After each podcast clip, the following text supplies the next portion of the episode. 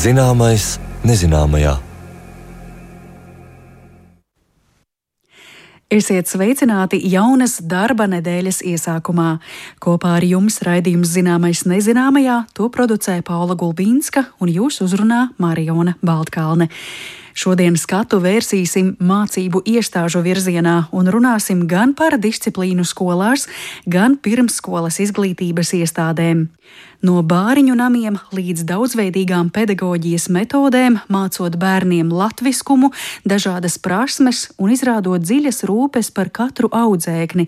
Tāds ir laika lēciens bērnu dārzu attīstības vēsturē no 1600. gadiem līdz 20. gadsimtam, kad kā spilgta personība bērnu dārzu veidošanā parādās Marta Rinka. Viņu varam godināt kā Latviju bērnu dārzu māti, un grāmatu ar tieši šādu nosaukumu izdevusi pirmsskolas izglītības vēstures pētniece Vineta Jonīte. Ar Vinetu Jonīti mēs satiksimies raidījuma otrajā daļā un runāsim gan par Mārtas Rinkas lielo ieguldījumu bērnu dārzu attīstībā 20. gadsimta sākumā, gan pirmskolas izglītības iestāžu pārmaiņām padomju gados un prestižu strādāt šādās iestādēs mūsdienās. Un zināmais nezināmajā šodien iesāksim ar vēl kādu stāstu par mācību iestādēm, konkrēti par sodiem skolās. Zināmais nezināmajā. Skolēni nedrīkst apmeklēt jaunatnei nepiemērotus izrīkojumus, jaunatnei neatļautas kino izrādes, masku balles, dejas un izpriecu lokālus. Šādi Latvijas Republikas skolu kārtības noteikumi tika izdoti 1936. gadā. Kādi bija skolēnu nedarbi un kādus sodus par tiem piemēroja, par to Zanes Lāces Baltāksnes saruna ar pedagoģijas vēsturnieci Alīdi Zigmundi, kura ir pētījusi skolēnu disciplīnas pārkāpumus un sodus Latvijas skolās starpkaru periodā. Viļa plūdoņa darbs bija autoritārs. Plūdons necieta pretīm runāšanu. Mazākais sots, tāpat kā par jebkuru citu pārkāpumu, bija kaktā stāvēšana. Dažreiz abos priekšējos klases kaktos stāvēja pa divi, trīs puikām. Nākamais soda mērs bija ieraksts dienas grāmatā, un visbargākais sots bija vecāku izsaukšana uz skolu. Tādas jurista, žurnālista un valodnieka Konstantīna Karuļa atmiņas par dzēnieka un Rīgas pirmās ģimnāzijas pedagoga Viļa Plūdoņa darba metodēm savā pētījumā par pārkāpumiem un sodiem Latvijas skolās 20. gadsimta 20. un 30. gados ir fiksējusi Rīgas Tehniskās universitātes profesori, Rīgas skolu muzeja muzeja pedagoģi, pedagoģijas vēsturniece Alīda Zigmunde.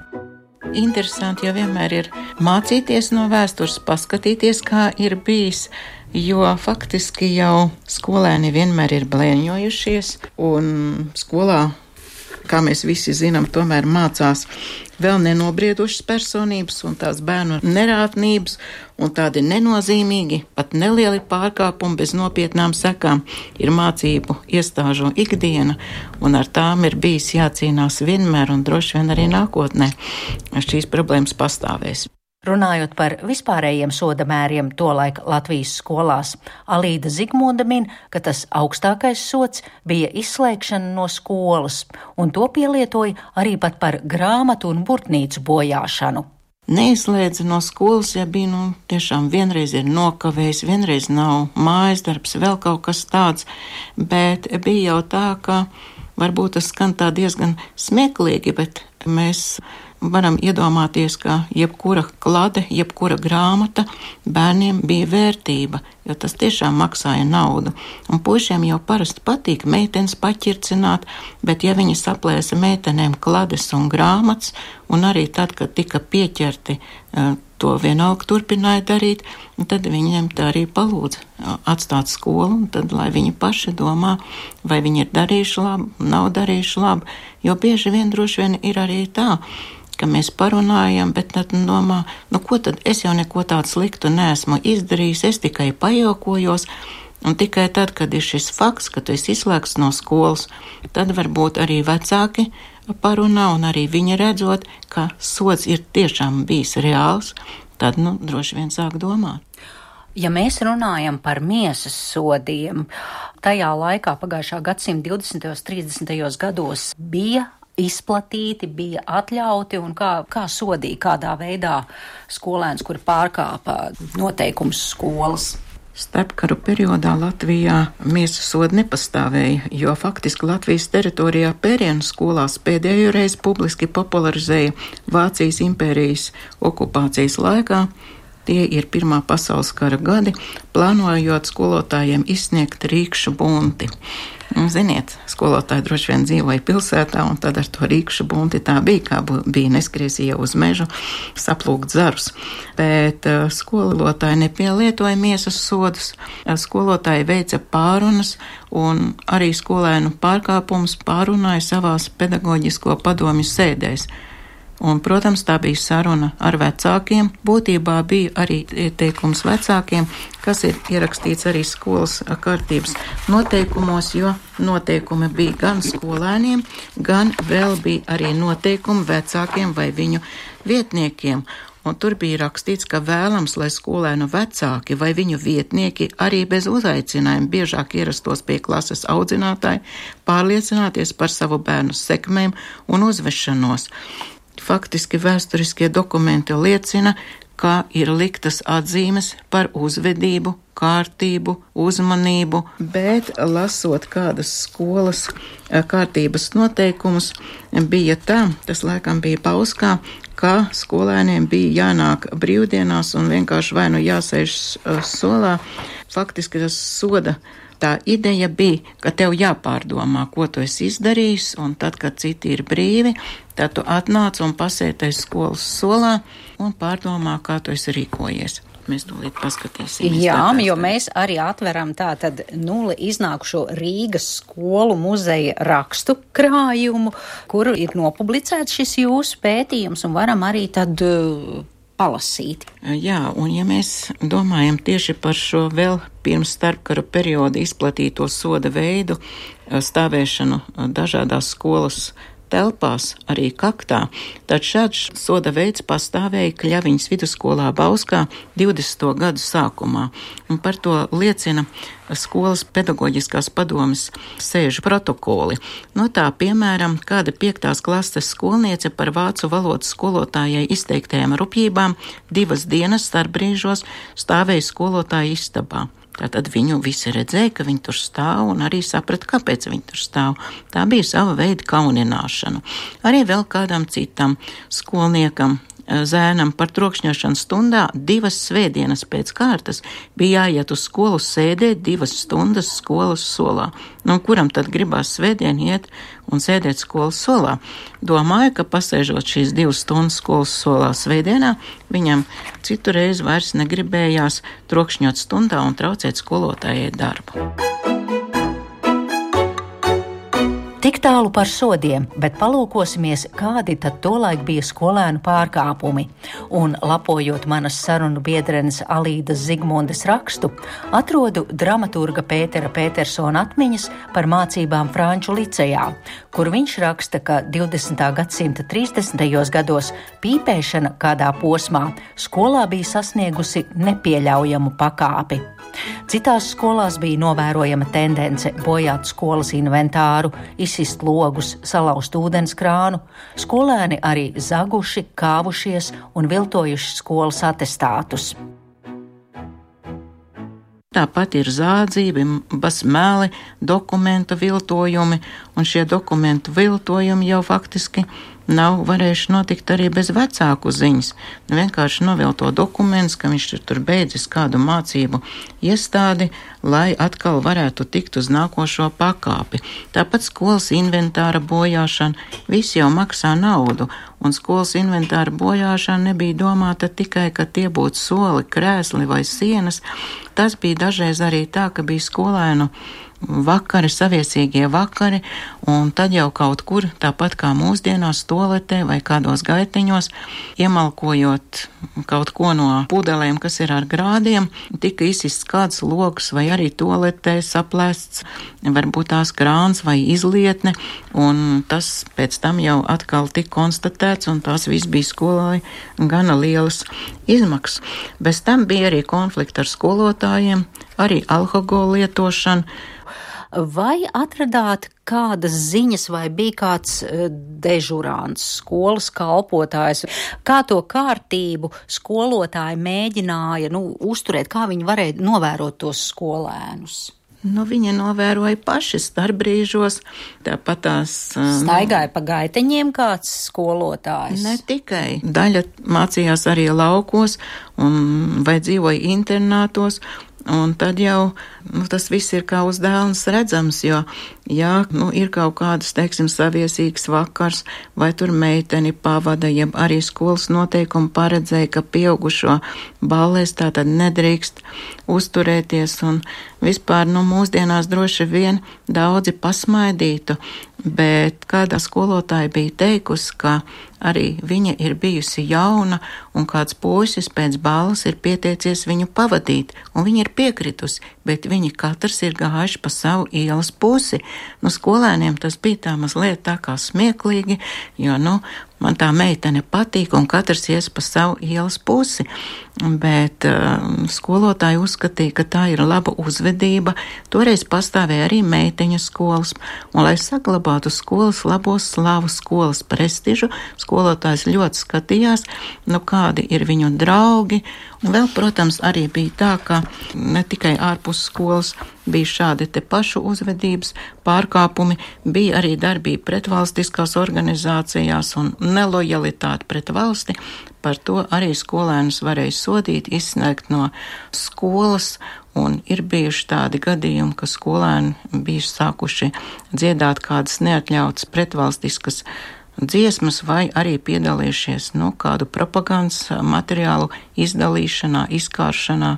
Tā bija arī tāda sodāma lieta, bet jūs jau zinat, ka jaunieši grib vienmēr kaut kur iesaistīties, un, un tad viņiem arī par to ir jāatbild. Te, piemēram, ir tā, ka Rīgā bija dzeņa ģimnāzija, un kāds pēdējās klases skolēns darbojās nelegālajā komunistiskajā jaunatnes organizācijā, un 1936. gada vasarā uz telefonu uz sētu stabiem Rīgas jūrmalā izlīmēja nelegālas komunistiskās partijas izdevums. Nu, viņam tika piemērots sods seši mēneši cietumā, ko vēlāk gan atcēla, jo faktiski viņš ir bijis vaļsirdīgs, atzinies, un tāpēc uzskatīja, ka viņš ir labojos, un faktiski viņam arī atļauj šo izglītību turpināt, iestājoties kādā citā privātā ģimnāzijā.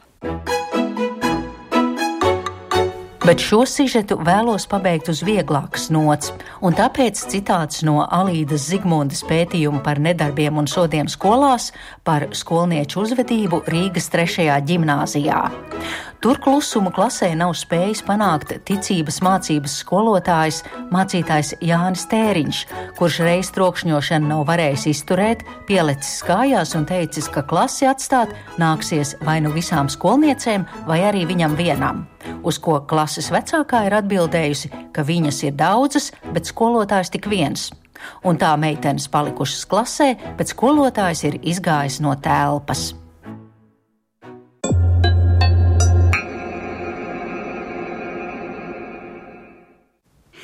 Par sodiem skolās Latvijā starpkaru periodā iepazīstināja pedagoģijas vēsturniece Alīda Zigmunde, un ar viņu sarunājās mana kolēģe Zane Lāce Baltāksne. No skolām raidījuma turpinājumā pārcelsimies pie gados vēl jaunākiem audzēkņiem bērnu dārzos un iepazīsim, kā Latvijā veidojās pirmsskolas izglītības iestādes. Palieciet kopā ar mums un tiekamies jau pēc brīža. thank you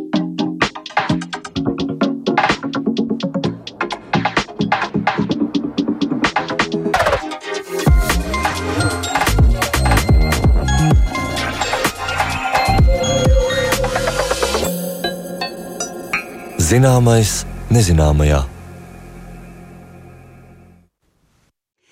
Daudzi vecāki piekritīs, cik labs mūsdienu pasaules izgudrojums ir tāda iestāde kā bērnu dārzs kāda ir bērnu dārzu vēsture, kādi sociālie un ekonomiskie notikumi mudināja veidot šādas iestādes un kā tās ir attīstījušās Latvijā. Par pirmsskolas izglītības vēsturi runāsim šodien raidījuma turpinājumā, un ciemos studijā es sveicu cilvēku, kurš šo jautājumu ir pētījis gana daudz. Tā ir Rīgas 49. pirmsskolas izglītības iestādes vadītāja un pirmsskolas izglītības vēstures pētniece Vineta Jonīte. Labdien, Vineta! Labdien!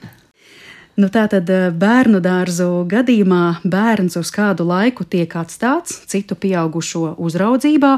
Vienlaikus mēs zinām, ka ir arī citas iestādes, kur bērnam neviens neatnāks pakaļ. Tātad bērnu nami, agrāk dēvēti par bāriņu namiem, vai pētot bērnu dārzu aizsākumu Latvijā, kaut kur ir manāms, ka bērnu dārzu ideja varbūt mazliet ir saistāma ar bāriņu namiem, bet, protams, bērnu dārzā bērns nepaliek ilgstoši. Visnotaļ jums ir taisnība. Un Rīgas pilsēta, manuprāt, tādā ziņā ir bijusi perfekta savā sakārtotībā.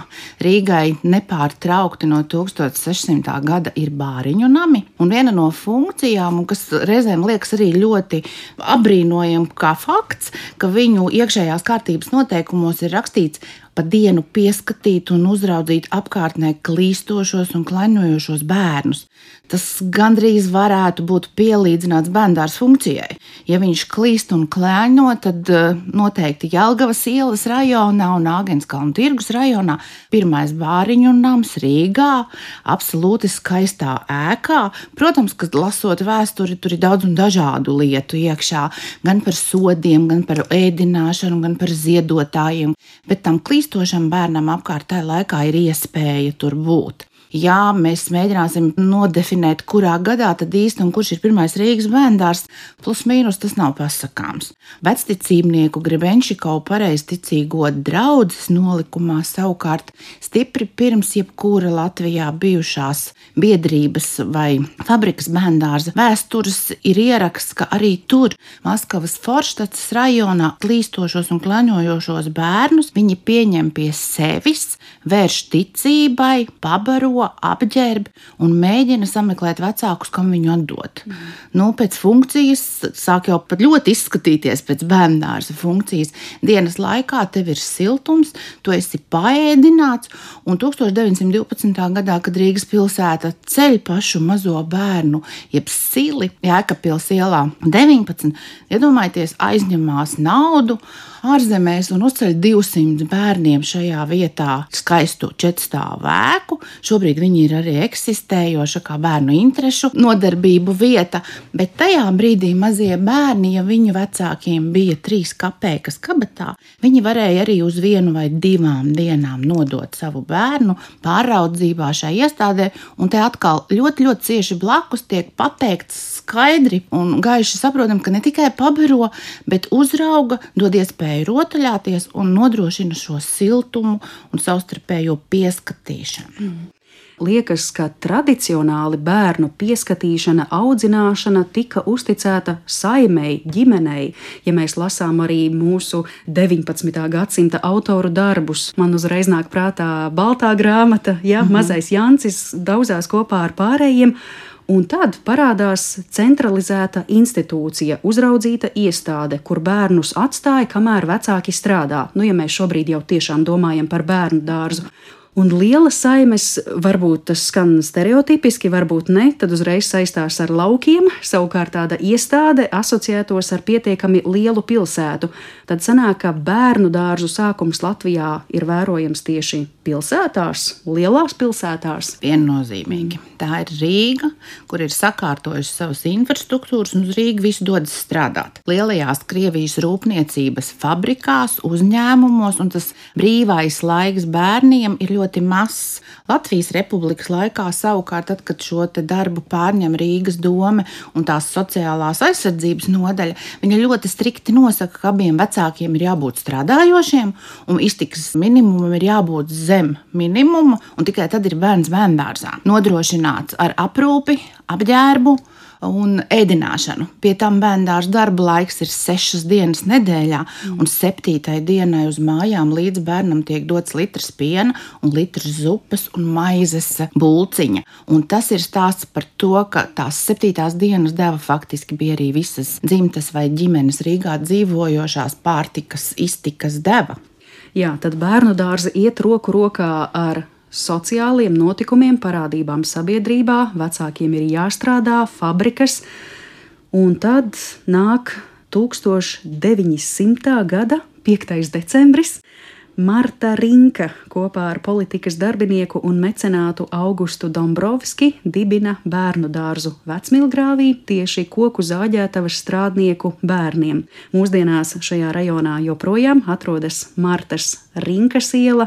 Pie šī vārda mums droši vien būtu derīgi pakavēties. Marta Rinka tad sanāk ir tāda īstenā celmlauza bērnu dārzu kultūrai Latvijā? Es droši varēšu apgalvot, jo vēl jau vairāk savu titulu Latvijas bērnu dārza māte ir iegūusi no savām kolēģiem, un tā ir liela uzticēšanās. Viņa jauna meitene, labas izglītības ieguvusi Rīgas pilsētā, lasot žurnālus, ir uztvēruši šo ļoti veiksmīgo stāstu par to, ka bērni ir pieskatām, uzraugāmi, un es joprojām lolotu šo vārdu bērnu dārznieki pētniece. Viņa arī ļoti ilgu laiku, neskatoties uz to, ka šī bērndārza dibināšana un tās pirmie gadi norit Krievu valodā un pāriešana uz latviešu valodu būs tikai pēc cariskās Krievijas impērijas sabrukuma, revolūcijām un Latvijas Republikas valsts dibināšanas. Viņa sevi šādi pozicionē. Un Augustam Dombrovskim, kas ir vecmilgrāvi kokrūpniecības uzņēmuma vadītājs un īpašnieks, kuram pašam absolūti nav bijusi pieejama izglītība, viņa ir spējusi ieviest šo stāstu par to, ka jā, jūsu rūpnīcas, fabriks un uzņēmuma darbinieku bērni klīst pa vecmilgrāvi. Viņi varētu šie darbinieki strādāt stipri, veiksmīgāk un, un mierīgāku sirdi pildīt savus darba pienākumus, ja bērni būtu pieskatīti. Tā ir veiksmīga sakritība, ka šim mecenātam ir šī vēlme nopirkt vecmīlgrāvi pašā, pašā sirdī, centrā un visaugstākajā neaplūstošajā vietā zemes gabalu. Klausīties, ko stāsta Marta, pašam būt līdzdalībniekam, pašā projektēšanā vēl joprojām ir saglabājušies ar Martas rinkas roku zīmēti vendārza plāni. Šī ir iestāde, kurā pirmo reizi ir ventilācija, kurā absolūti visas telpas ir pakārtotas tam, lai tas tas būtu veiksmīgs stāsts maziem bērniem. Šobrīd mēs esam pieraduši, ka pirmajā stāvā tiek izvietoti mazākie bērni. Bet viens no viņas plānošanas principiem bija fantastisks un šobrīd ļoti saprotams. Mazie bērni dzīvo otrā stāvā, jo viņiem ir divas vajadzības - visgaišākās telpas, visvairāk saules, un viņiem ir jāapgūst prasme kāpt un staigāt. Mm. Un, ja tu vairākas reizes dienā kāpas pagrabu, kur ir izvietota ēdama telpa, tad tu šo prasmu iemācies neviļus un pašsaprotami. Un tik ļoti gribās ieklausīties teikumā par to, ka ēdam zāli mēs lietojam tikai trīs reizes dienā uz mazu mirkli, un tā var būt pagrabstāva telpa ar nelielu apgaismojumu. Tur liekas, tik ļoti pārdomāti viņi ir gājuši šo ceļu, kaut gan viņai bijuši arī iespēja mācīties Berlīnē un nest šīs idejas uz turieni un atvest atpakaļ kaut ko. Un vēl joprojām leģenda ir dzīva par to, ka viņi ir iekārtojuši šo grupu krāsojumu, šīs mazās bērnu mēbeles, bet šī ir arī ēka, kur kāpņu treliņu malas ir pakārtotas divos augstumos. Ir mazās mēbeles, ir balti krāsotas, un vēlākajā laikā, jau Latvijas Republikas 30. gadu vidū, katrs Rīgas bērndārs vēlās tieši tādas baltas un mazgājamas mēbeles. Ir par ko reizēm sapņot un aizdomāties, ko viņi tajā laikā ir uzbūrusi, jo viņi ir dzīvojuši laikā starp Friedrichu Fēbeli Vācijā, kur ir pirmie bērndārs, un arī Montesori savu bērndārs dārzu pirmo debina tikai mazu mirkli pēc notikumiem, kad mūsu Marta Rinka ir mācījusies Vācijā. Mm. Un neviena vien latviešu izcelsmes bērnu dārza pārzina, kā tā laikā sauca, un dibinātāja ir mācījusies Berlīnē, ir braukusi pieredzes apmaiņā arī pa Eiropas valstīm, arī Marta Rinkai izglītības ministrija 30. gadu sākumā dod šo ceļa zīmi un atļauj apceļot visu Eiropu, lai paskatītos, ko vēl mēs labu saviem bērniem varētu dot. Marta Rinka pat arī vispār literatūrā tiek saukta kā telpu krāsojuma un iekārtojuma krāsu izmantošanas idejas autore. Tātad jūs jau par šiem krēsliņiem runājat, cik es saprotu, cik ir lasīts, tur runa ir arī par sienām, pat par mētelīšiem, ko bērni Jā. ir lietojuši. Telpa pati ir krāsota, rozā, dzeltena, zila un zaļa. Viņas tiek sadalītas vecumiem, viņiem gan galdi, gan krēsli vēlāk tiek krāsot šai krāsā. Arī uzsvārcis, ko bērns dzīvodamies visu dienu bērngārzā, uzvelk virs savām drēbēm, lai žēlotu un nenotraipītu, tāpat kā nenonēsātu šīs drēbes. Arī dvielīši un gultas veļa vēlākā laikā ir pieskaņota pēc toņa. Ja mēs eh, vēl domājam par bērnu dārza funkcijām, tad eh, droši vien tas neaprobežojās tikai ar to, ka bērnu mēs atvedam uz iestādi, lai viņi tur būtu, kamēr viņus nevar pieskatīt vecāki. Atkal domājot par Martu Rinku, ir svarīgi, ka šie bērni arī iemācās kvalitatīvi pavadīt laiku, ka viņi vispār kaut ko uzzina, kļūst atbildīgi, iemācās sadarboties ar citiem bērniem, Kā jūs to varētu paraksturot, ko Marta Rinka iedeva šajā ziņā? Viņa ir viena no pirmām bērnu dārza darba plānošanas celmlauzēm. Vēlākā laikā, pēc 20 gadiem nostrādātiem zaļajā skolā, viņa tiek uzaicināta strādāt valsts paraugu pamatskolā par bērnu dārza vadītāju. Kopā ar savu kolēģi Rapskundzi izdomā plānojumu pa mēnešiem, ko, kad un kāpēc darīt, sasaiste ar dziesmu, ar tautas dziesmu, ar veicamiem darbiem. Bet savukārt zaļā skolā starp rīta sarunu, nodarbēm, kur viņi plāno lasīšanu, rakstīšanu, rēķināšanu, papīra griešanu un veidošanu no kukurūzu žāvētām lapām, jeb rafijas. Viņi pastāv uz to, ka tēma ir ļoti, ļoti svarīga. Un tieši tādēļ viņi iekārto dārzu, sakņu dārzu. Katrs bērns saņem 70 uz 70 cm lielu dobi, dāvinājumā sēklas vai stādus no paša Augusta Dambrauska. Un vienu vienīgu noteikumu, ka pats laisti, pats ko pats novāc, un tev ir divas iespējas. Vai izaugušo nest mājās ģimenē, vai kopā ar draugiem tepat un tūlīt izbaudīt un cienāties.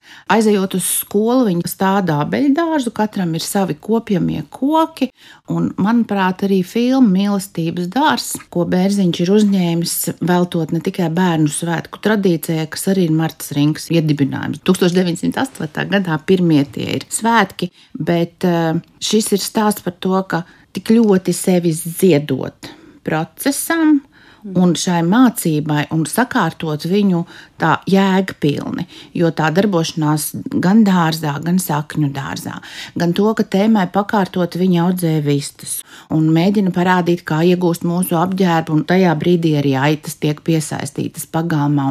Tas ir tādi, nu varbūt, latviskās dzīves ziņas sakārtošana kopā ar plānošanu dzimtenes apziņa.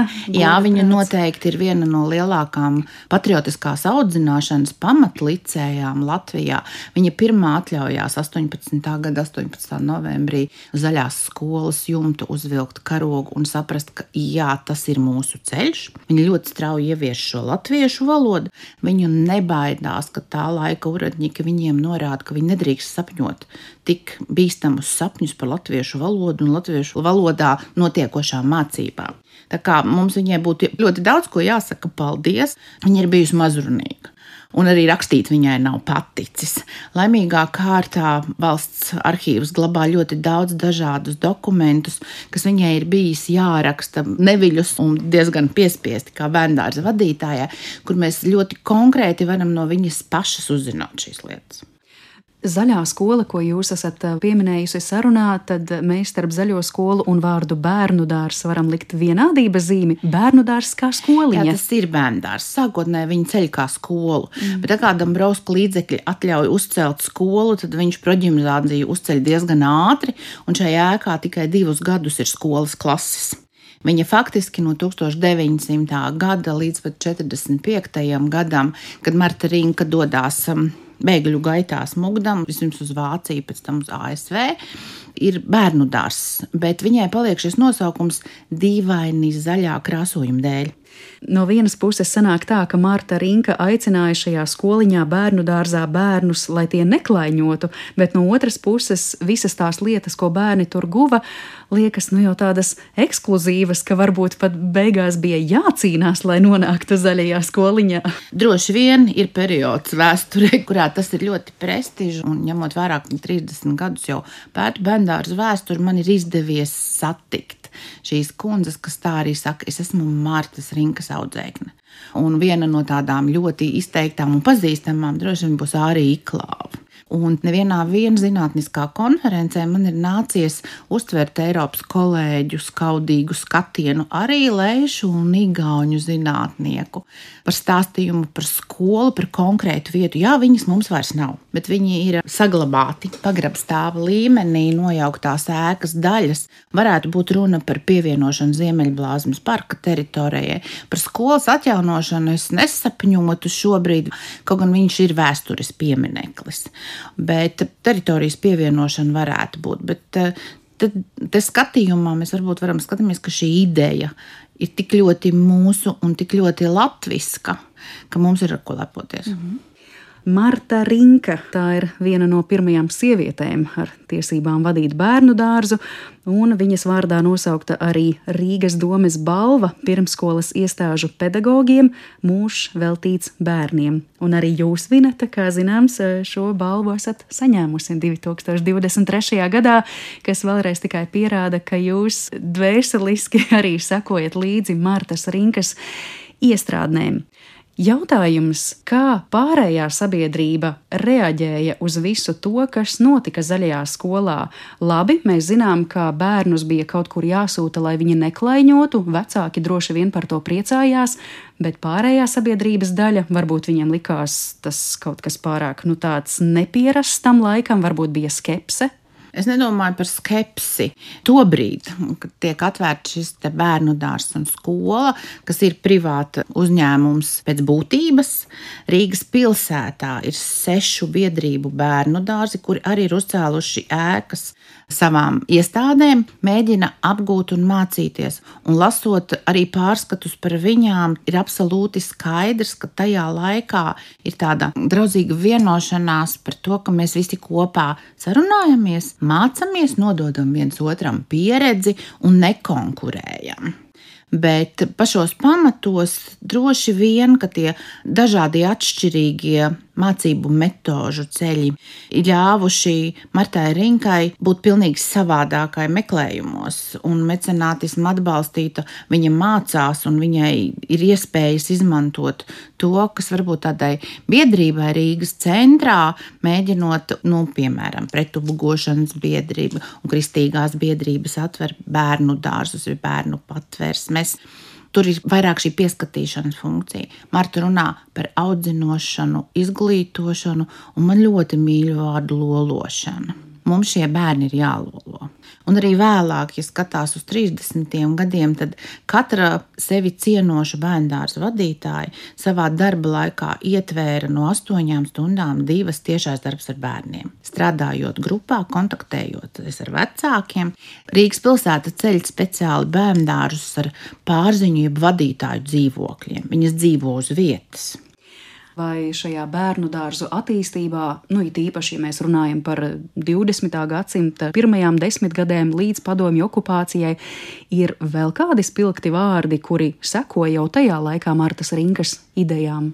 Jā, viņai ir burvīga plejāde audzēkņu un studentu, kas visas ir strādājušas zaļajā skolā, sākušas kā audzinātājs, un tad, manuprāt, viņi ir mācējusi ļoti veiksmīgi viņām pavērt šo karjeras ceļu.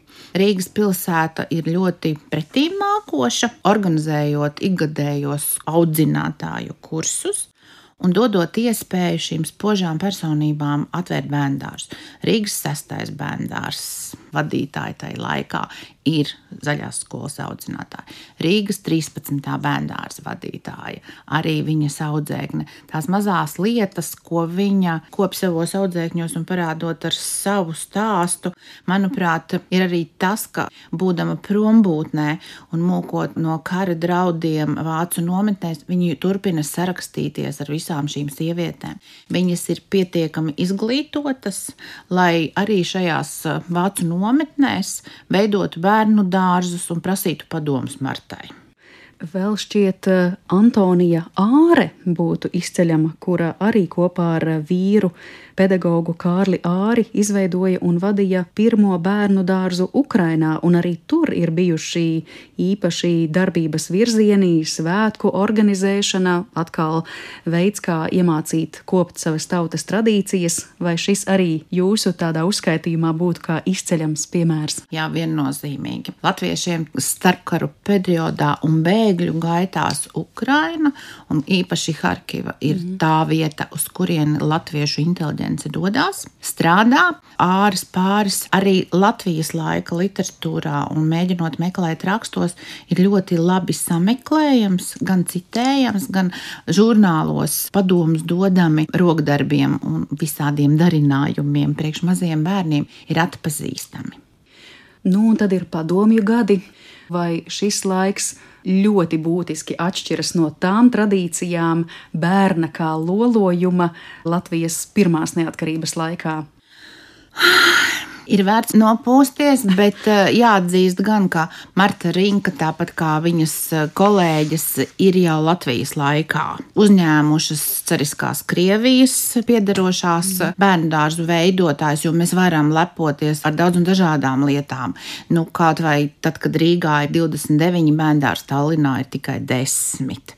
Nu, un, protams, Maskava, Pēterburga, kas brauc mācīties pie Martas Rinkas un skatīties, ir tas ceļš, pa kuru attīstāmies. Bet tajā laikā tieši paralēli un 39. 40. gadā okupācijā Marta Rinka izlasa visus šos papīrus, kas attiecās uz Padomju Savienībā noteikto kārtību bērndārzu iekārtošanai.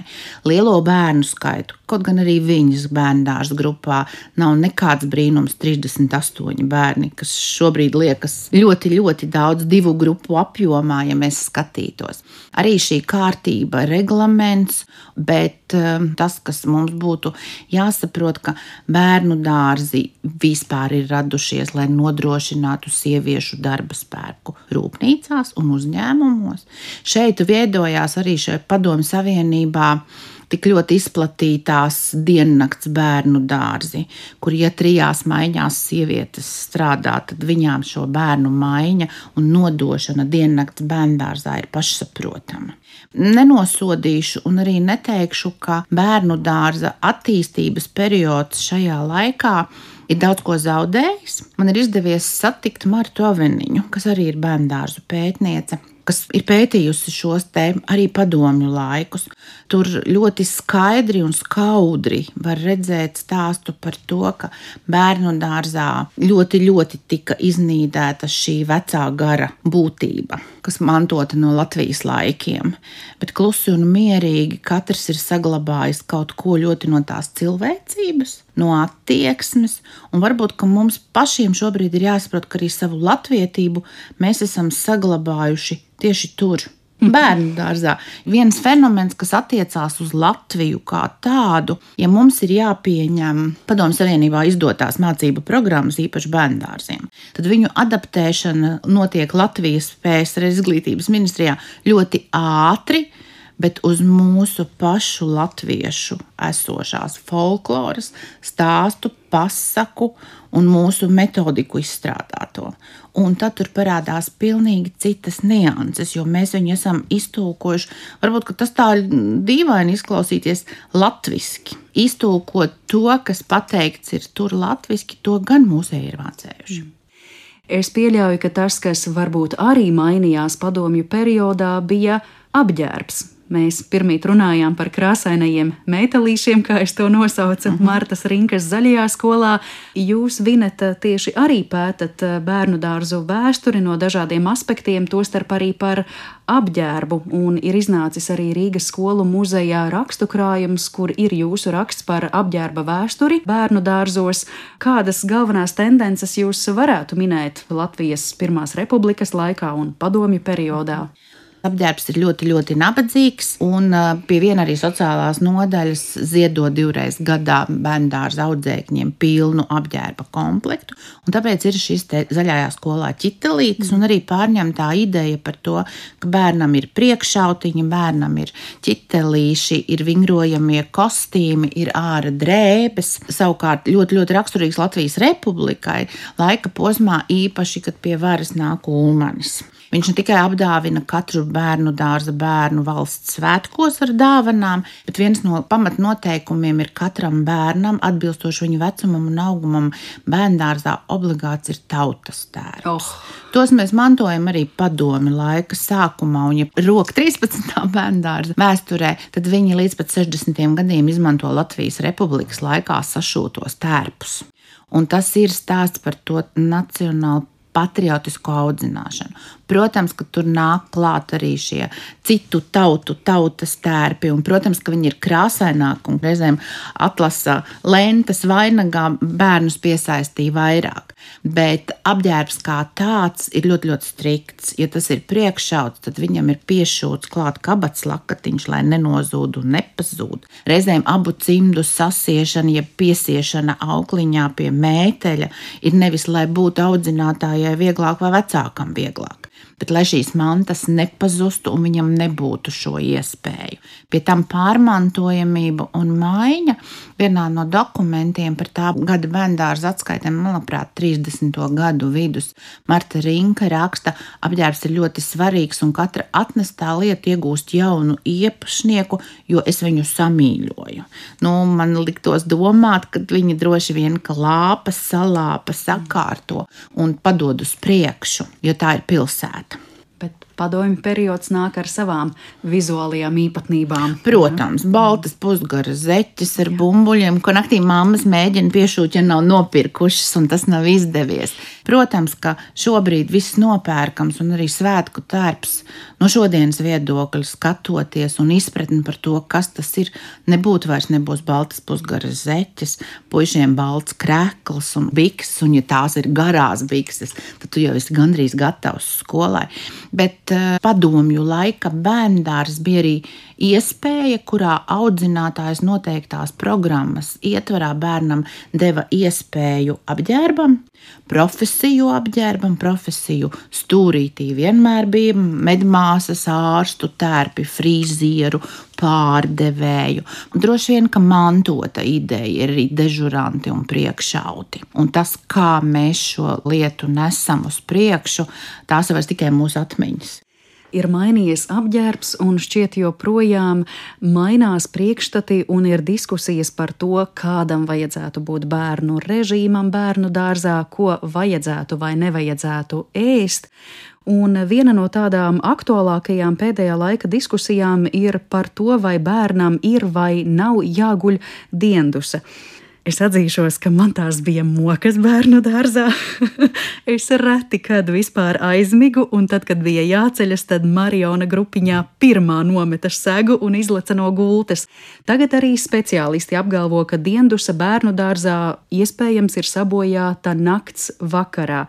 Vai šis režīms un arī ēdienkarte, vai tas tiek pārskatīts, mainīts? Ēdienkarte kā tāda kaloriju ziņā ir mainīta pēdējo desmit gadu laikā divas reizes, samazinot cukuru, sāls daudzumus un kaloriju. Tas nozīmē, ka mēs vairs neēdam tik ļoti trekni un saldi un sāļi, bet ar gulēšanu ir ļoti vienkārši. Viņa ir vajadzīga fizioloģiskas nepieciešamību dēļ, jo mums ir jāatslogo bērna mugurkaulājs. Un tā ir patiesība un taisnība, ka dienas steigā pavadot daudzas stundas, stāvus, sēdus, bet ne guļus. Mēs noslogojam savu mugurkaulu, kur mums būs jāizmanto visu mūžu. Un šīs diendusa varbūt nav tik daudz diendusa, bet atpūta. Vienā, manuprāt, franču pētījumā ļoti labi ir uzrakstīts, ka katrs bērna iespējas, ir skatījums uz vienu, otru un trešo pusi, ir skatījums. Un ja šie skatījumi ir vairākos tūkstošos, tad ir brīdis, kurā bērnam ir arī jāiztais acis un jāatslūgo smadzenes. Un ja ir pareizi organizēts dienas miegs, tad arī Latvijas laikā bērni gulēja, gulēja uz salokāmām karkasiņiem, un nebūtu ne tādā izpratnē, kādu mēs redzam ar gultu, spilvenu un segu. Viņa apsedza tikai sevi ar segu, bet arī audzinātājai tajā brīdī bija obligāti jāatrodas atgāžamajā krēslā un arī jāpaguļ. Un varbūt tas ir piemērs, kas mums šobrīd tā steigā trūkst, ka tā audzinātāja kopā ar visiem nav gatava arī ievilkt elpu un atpūsties. Viņai ir daudz dažādu papildus pienākumu, Bet, ja mans pieaugušais kopā ar mani ritmā šodien dodas un atpūšās, tad es arī pievienojos. Un tad līdzēs gan tā pasaka, gan mūzika, gan klusums, jo reizēm jau tas miegs nav pats galvenais. Mm, redz, beidzot, es pēc daudziem gadiem sapratu, kāpēc mums bija jādodas varbūt pat ne diendusā, bet atpūtā. Vinetā, pietuvojoties mūsu sarunas noslēgumam, ir vēl kāds aspekts, par ko es jums gribētu pajautāt par prestižu šim darbam pirmsskolas izglītības iestādēs. Un mūsdienās mēs daudz runājam par to, ka pirmsskolas izglītības iestāžu pedagoģu darbs nav novērtēts. Kā jūs to vērtējat? Un iespējams arī attiecībā pret vēstures periodu, Martas Rinkas periodu. Šo profesiju es neizvēlos uz zemes un neizvēlās pati. Manuprāt, to mums uzdāvina debesīs. Un nevienam savam studentam es esmu tā teikusi un novēlējusi augstu nest šo sajūtu. Bet tā ir iekšējā sajūta. Es esmu satikusi gana daudz savu skolnieču un savas audzinātājas jaunības maksimālismā, kura pat neatļaujās draugam pateikt, kur tad viņi īsti strādā jo tas nav prestiži. Bet Latvijas laikā bērnu dārzniece vai paziņojums, ka es esmu bērnu dārza pārzina, bija ārkārtīgi prestiži. Un tas varbūt ir tas stāsts, uz ko mums būtu jāiet atpakaļ. Skolotājs audzinātāja, ja precīzi sakot, pirmsskolas skolotāja, ir godājama un cienījama profesija. Jo, ja mēs uz to paskatāmies, tad mēs savu bērnu viņai nododam uz tik ilgām stundām, modrības stundām, nevis guļošām mājās. Ka reizēm liekas, ka mēs esam ne tikai otrās mammas, mēs visu zinām par jums, par bērnu, par viņu sapņiem, un, un tad tā mūsu atbildība ir ļoti, ļoti augsta. Tā ir ļoti skaista un tāda lolojama profesija sievietei. Visu mūžu būt tur starp tiem mazuļiem, kurš te uzskata par savējo. Es joprojām uzskatu, ka šī profesija ir absolūti skaistākā uz zemes. Mm. Cerams, ka tajā ienāks arī vairāk vīriešu, jo droši vien arī viņu skatījums un spēja lolot bērnus no savas puses arī būtu liela pievienotā vērtība. Man ir laimējies, es esmu bijusi Norvēģijā projektā, kur bērnu dārza pārzinis ir vīrietis un visi skolotāji ir vīrieši. Mums kā sievietēm bija ļoti grūti saprast notikumus aiz loga, jeb kāpšanu kokā un viņu attieksmes. Latvijā droši vien tā tas nekad nebūs. Kur nu vēl procentuāli? Dzīves laikā kādus četrus vai sešus pirmskolas skolotājus esmu redzējusi. Es joprojām uzturu ļoti labus sakars ar bijušo bērndārzas direktoru, vīrieti. Diemžēl padevies viņš ir.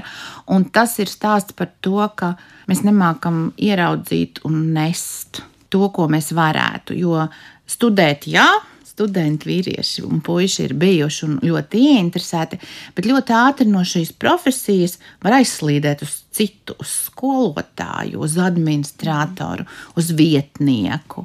Vīrietis skolotājs mums šobrīd, sporta skolotājs ir vīrietis, tas ir prestiži un tas ir ļoti, ļoti svarīgi.